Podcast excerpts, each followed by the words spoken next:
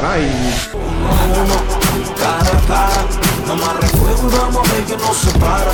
Hace unos días. Saludos, hablamos en este cara a cara con el protagonista de una acción visibilizadora y reivindicativa.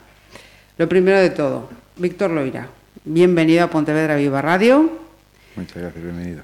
Y, y enhorabuena, enhorabuena por esa, por esa hazaña que te ha tenido eh, durante, podemos decir que 15 días, ¿no? 17. 17 días. Tenía yo anotado aquí 17 días. Se, se me escaparon, se me escaparon dos que para los que estamos fuera quizá suponga poca cosa, pero, pero él tiene que saber perfectamente lo que, lo que han significado. Una mm, carrera, un recorrido eh, por, por Galicia durante esos 17 días en bicicleta, en monopatín para eh, visibilizar eh, al colectivo del que es vicepresidente, la Asociación Sociosanitaria Educativa de Enfermedades Inflamatorias, Intestinales y Ostomizados. Eh, lo primero de todo, mm, ¿llegaste el día 2, si no me equivoco, ya recuperado o todavía en proceso de...? No, vamos, eh, llegué el día 2 a, a, Pontevedra, pero después acabé el 3, tuve que hacer Hospital Montecelo, eh, Hospital de Santiago, y el 4 hice eh, mi, bueno, hospital, Milladoiro más bien, uh -huh. y eh, la Plaza de Albadoiro y, la, en la, y esta sanidad. Ajá. Y tuvimos la opción de, de grabar el final de documental en la plaza, dentro de la Catedral de Albadoiro. Uh -huh. eh, quedaos con esa última frase porque más adelante va a volver a salir lo del do documental. Eh, entonces, a, a, día de hoy, eh, ya, ya estás a, a, full o todavía.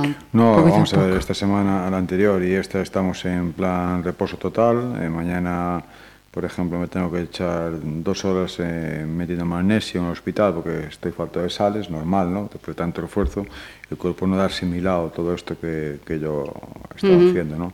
Entonces, por precaución, le vamos a meter sales, magnesio, toda la vena mañana. Y, y poco a poco empezaré esta semana a hacer los entrenos que realmente el entrenador me manda para ir, para no bajar de golpe. Eh, pero la bien. actividad. Sí, uh -huh. pero bien. Eh, si te digo vamos a ponerle una puntuación a la experiencia un 10 un 10 sí. eh, y lo, lo, más complicado y lo más gratificante de todos esos días lo más complicado es que hay tantas cosas, fueron tantas cosas complicadas en, en, estos 17 días. Pues desde pasar, pasar muchas horas en la bicicleta o en el patín solo, tu cabeza ahí te juega de malas pasadas. tienes que momentos pararte, resetear la cabeza, decir vamos ahora poco a poco, kilómetro a kilómetro.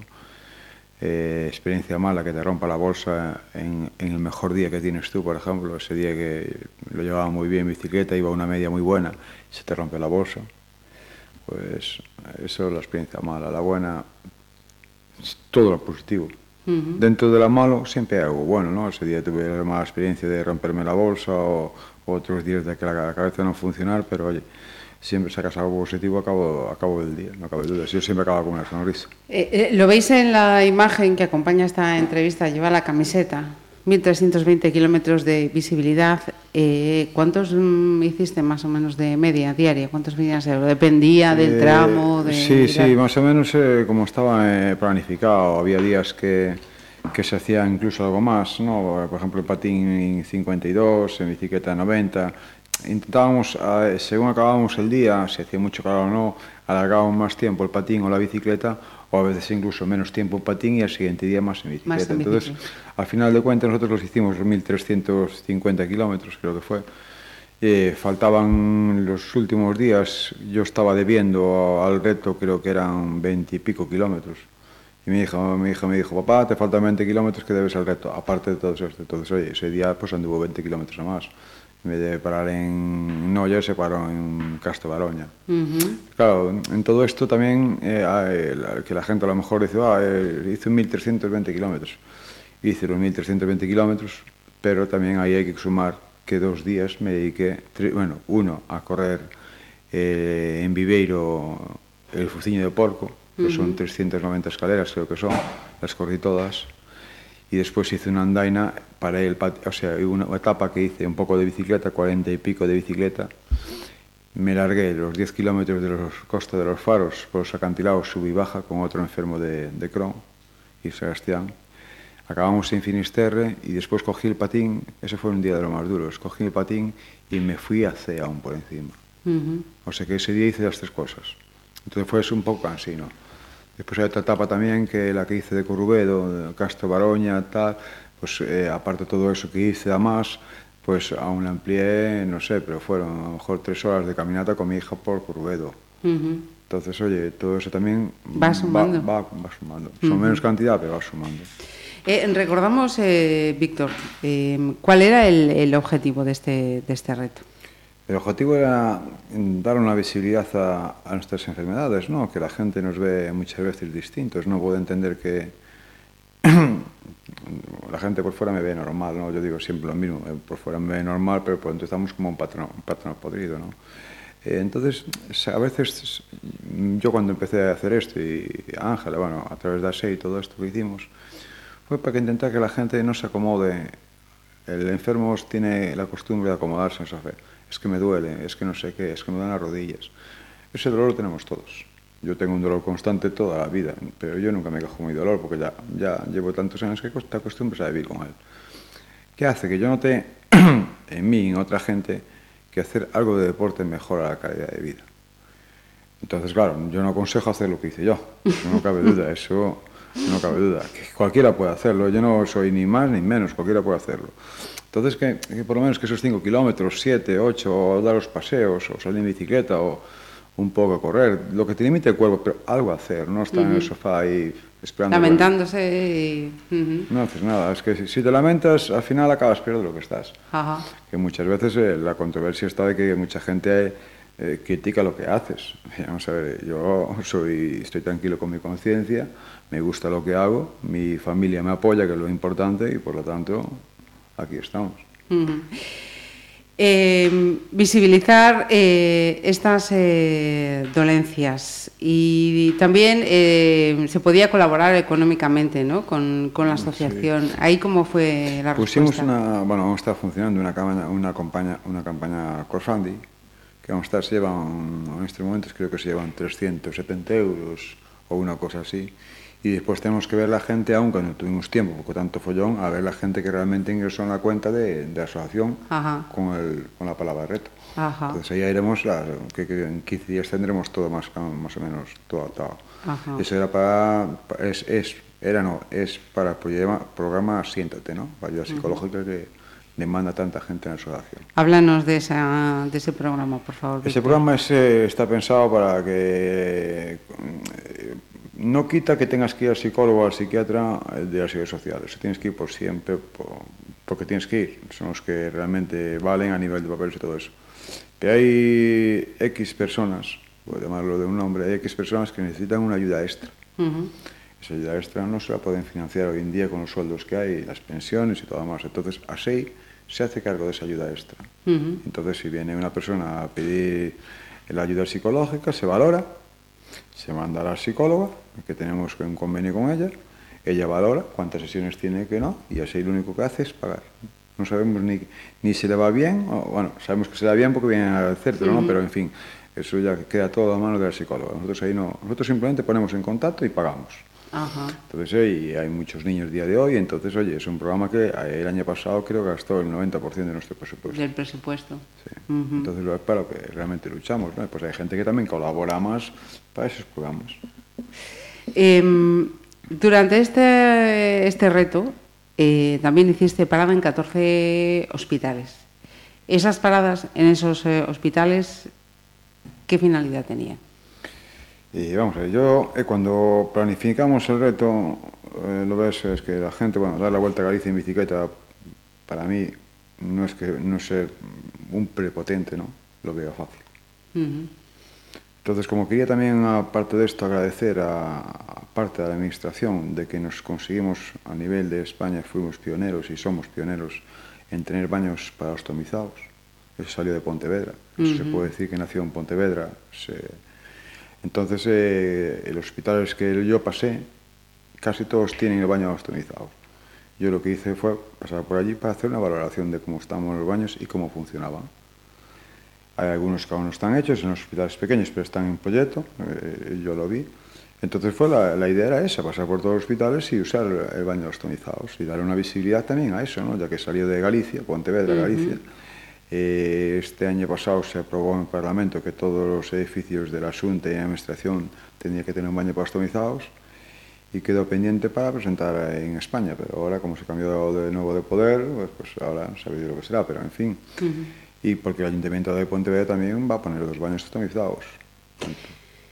Eh, Víctor, yo recuerdo más cuando eh, habíais eh, hecho esa solicitud en una rueda de prensa del Concello, instando a que otros ayuntamientos se, se sumaran y a que en general la, sociedad se concienciara de, de, esta necesidad.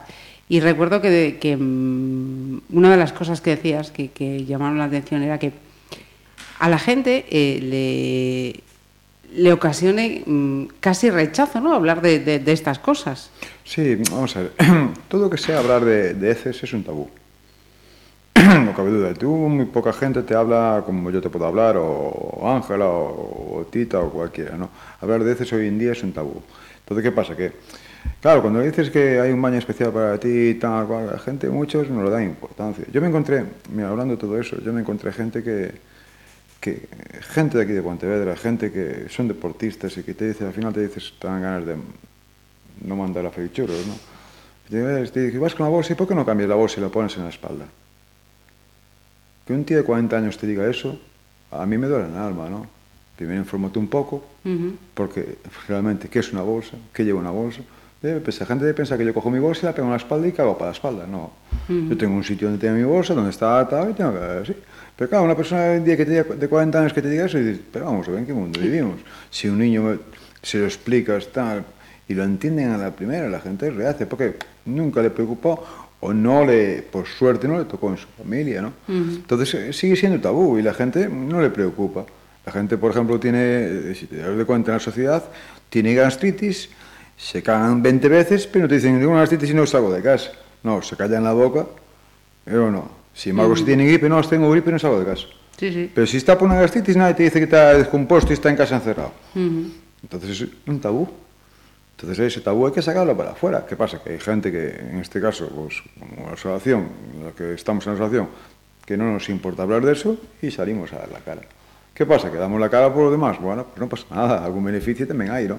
Yo me encontré gente que vino a mi encuentro y que gente enferma de Crohn que venga a tu encuentro y que pases una tarde con ellos hablando, que tú deberías estar descansando porque tu reto es descansar, pues sin embargo dedicas una tarde a hablar con esa persona o otra o otra encontramos una chica en Viveiro, que claro, eh, vi la furgoneta, empezó a hablar con Cintia y tal, y, y se dio cuenta que estábamos haciendo, bueno, viene el folleto, ah, pues que yo tengo Crown. Bueno, uh -huh. la chica no se acompañó toda la ruta con su autocaravana y sí. el marido me acompañó de Ferrola a, a Coruña. Son detalles que realmente Pero claro, con ellas puedes hablar de cómo, es que yo voy 20 veces al baño, uh -huh. es que pues yo me cago en, en la furgoneta. Uh -huh. eso es normal en un enfermo de Crohn.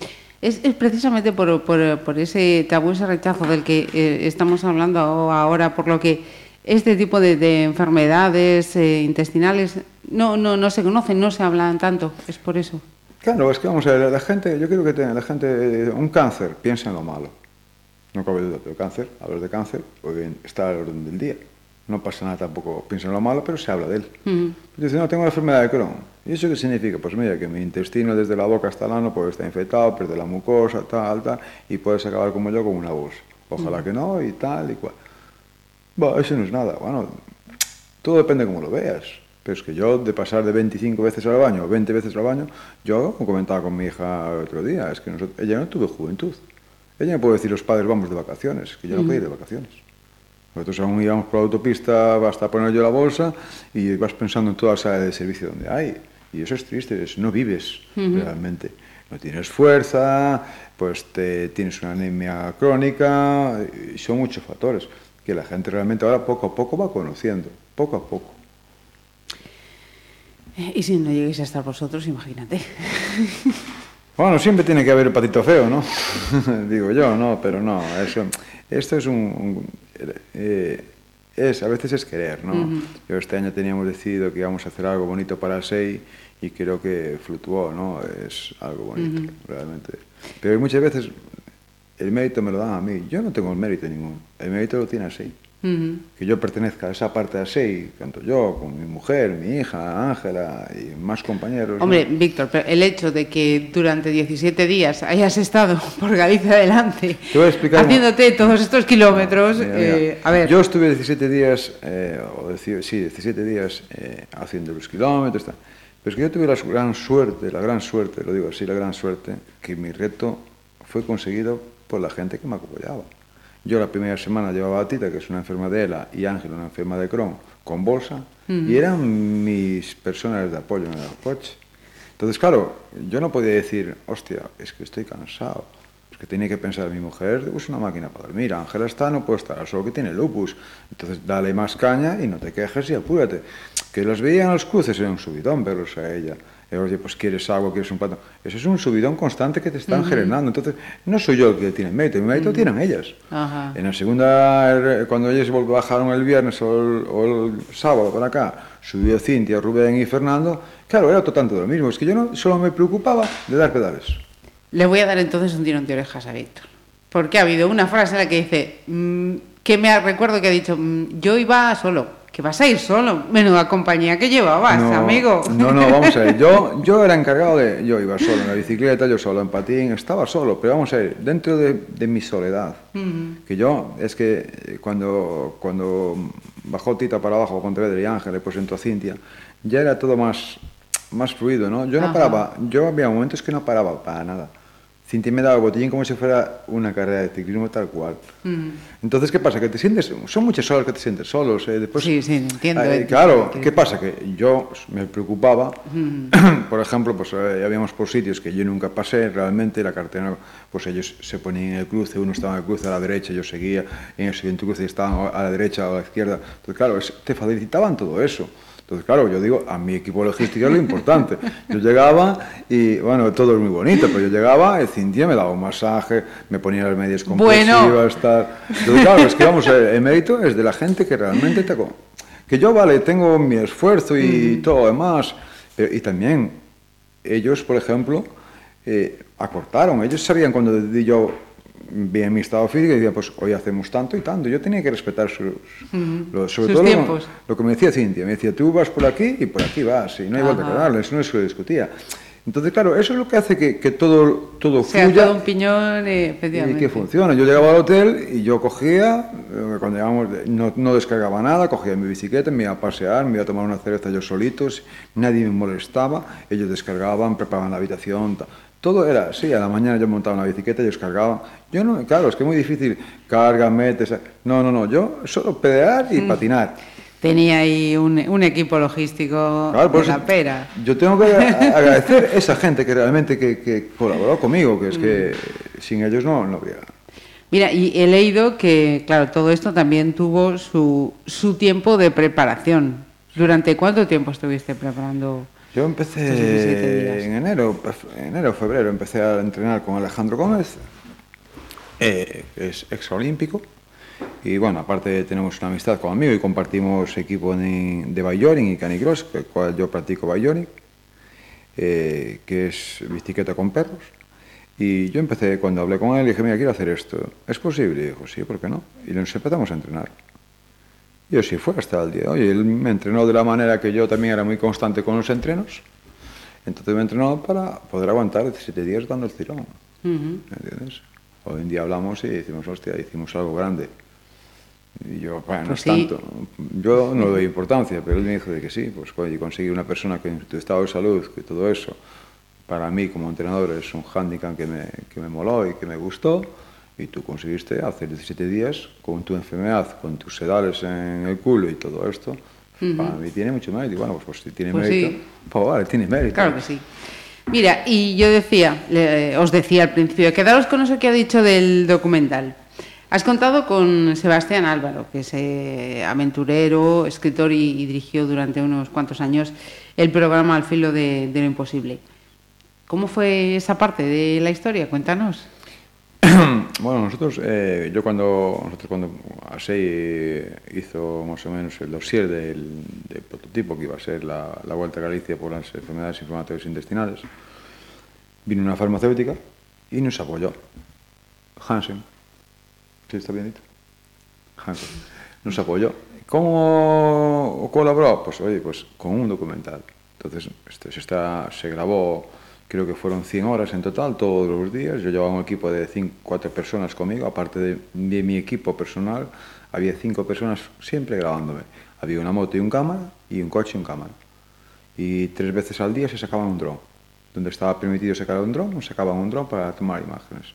De ahí se va a hacer un documental. Ajá. Entonces, cuando sea el documental, creo que se va a estrenar en Pontevedra, no sé cuánto, tres, cuatro meses, lo que tarda en hacer el documental, y la productora de Javier Álvarez va a ser unha cosa moi bonita e, oye, ao final tamén tenías que adaptarte en todas esas etapas e días duros ellos entendían, ¿no? Pero, oye, se nos adaptamos entre, entre todos y yo creo que va a ser una cosa moi bonita. Uh -huh. Y creo que de las pocas veces que la Catedral de Santiago da permiso para grabar un documental dentro. Ajá. Uh -huh. Porque nosotros hicimos el final del documental, una, el día último se grabó en la catedral, dentro de la catedral, uh -huh. estando yo solo. Pues mm, ya me ha contestado la siguiente pregunta. Eh, ¿Cuándo lo podremos ver? Pues ya he dicho, tres, cuatro meses cuando se termine el documental y que esperáis que, que sí, se pueda estrenar en Faltan, en, eh, en, esa parte ellos llevaron grabadas, creo que fueron 120 horas grabadas, uh -huh. que es mm. una salvajada de imágenes, una salvajada. Yo vi imágenes que son espectaculares, sinceramente, son lloras. Son espectaculares, ellos cataron todo, cataron hasta el día que me rompió la bolsa, ellos cataron... Uh -huh cómo se me hacían las curas, todo eso va reflejado en el documental. Y, y, ya te digo, solo falta, van a volver ahora este mes de nuevo porque falta la entrevista con mi digestivo y mi nutricionista. Uh -huh. Entonces, y cuatro cosas más que faltan, y, pero lo otro ya está en camino. Eh, pues daremos debida cuenta, por supuesto. Si, si es estreno y si no es el estreno, pues cuando llegue a Pontevedra hay que ir a verlo sí o sí. Y me gustaría también, antes de terminar, hablar de, de la asociación. Ahora mismo, eh, ¿cuáles son los, los, proyectos más inmediatos que tenéis en la, en la, asociación? Ahora mismo, bueno, acabamos este sábado con la brincadeira en Bondión de Castro, que es una actividad de ocio exclusivo, inclusivo, inclusivo. que hacemos uh -huh. para todo el mundo y fue todo un éxito muy bien este año. Pues estamos también un poco en follón. Eh, yo a nivel personal me marcho este sábado, viene una compañera que tiene ELA, movilidad cero, y vamos a hacer el camino con ella desde Pontevedra, no, perdón, de, Tui a Santiago en cuatro días en una Yolette, con el equipo rodando, con Fernando. No tiene movilidad y vamos a hacerlo, eso a nivel también participa así, porque yo soy parte de así, no cabe duda, y Cintia. Vamos a hacerlo este viernes, sábado, no, sábado, domingo, lunes y martes. Eh, es la primera vez que vamos a a una persona con movilidad cero, -huh. cero, cero, total, simplemente solo habla. Va a ser un rato bonito para, también para nosotros y después... O sea que eh, aún te estás recuperando de esta y, y, ya te metes en la siguiente. Bueno, esto había que hacerlo porque vamos a ver, eh, te voy a explicar una cosa que a mí hay una cosa que me pesó mucho durante este reto. Tita lo sabe. Eh... Perdón, espera, Víctor, te voy a interrumpir. Eh, es que Tita, a la que se está refiriendo todo el tiempo, es, es tu compañera y, y, está aquí. Y yo de vez en cuando, cuando hablo con Víctor, la, la miro y ella siente, me, me, me, da la razón. Perdona, sí. Eh, pues, eh, como mucha gente sabe, Tita es enferma de ELA. Y este año pasado, te digo yo que me recordaba mucho en el reto de los días malos, porque un compañero que se llamaba Emilio murió Resulta que ese, ese, chico le gustaría que yo fuese el día 28 de abril a hacer una carrera de bicicleta a Navarra. Uh -huh. A Navarra. Y yo por ir a Pontevedra con otro chico que tenía, otro amigo que tenía Vitus, le dije, bueno, esperamos para el año. Eh, para el año voy, tal y cual. Por circunstancias ese chico murió hace un mes. Entonces eso me carga en el corazón y en la cabeza todos los días. Y en el reto lo estaba pensando. Es que a veces que viene el tren o lo coges o ese tren no vuelve Ya a no pasar. pasa. Esta chica, yo aún hablar de galla con ella, ella insiste que quiere ir, vamos, vamos a ver, es que es una ELA y es una puñetera que, enfermedad que tiene caducidad, que se me cabe duda. Si ella tiene un interés, pues yo bueno, vamos a cumplir el gusto a la chica.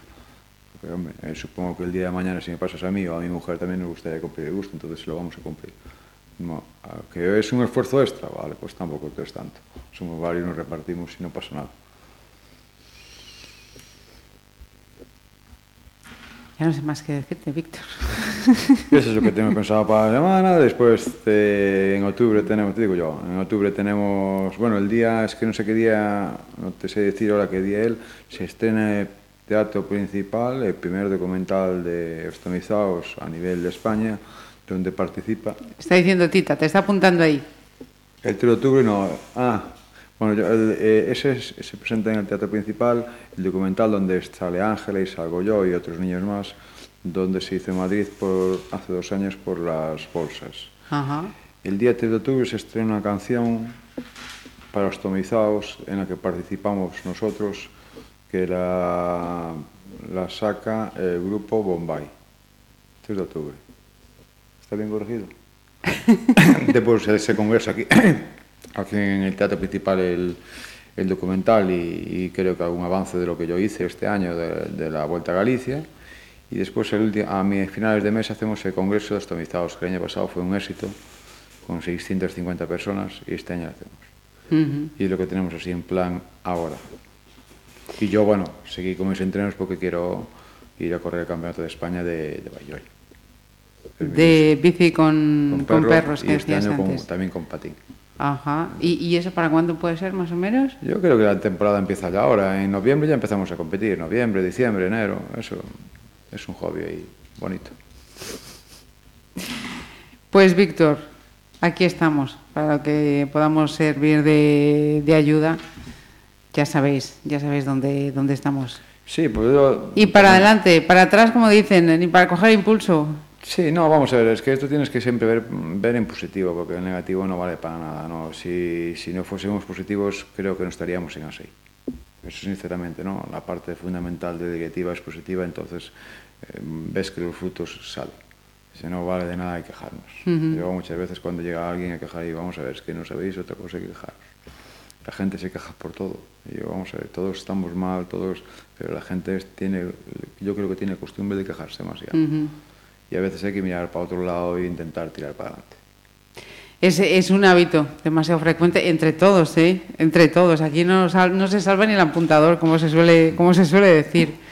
Pues Víctor y Tita, que, que no lo hemos oído, pero, pero no, no Pues muchas gracias a los oyentes y a gracias vosotros. por esta tarde maravillosa. A vosotros.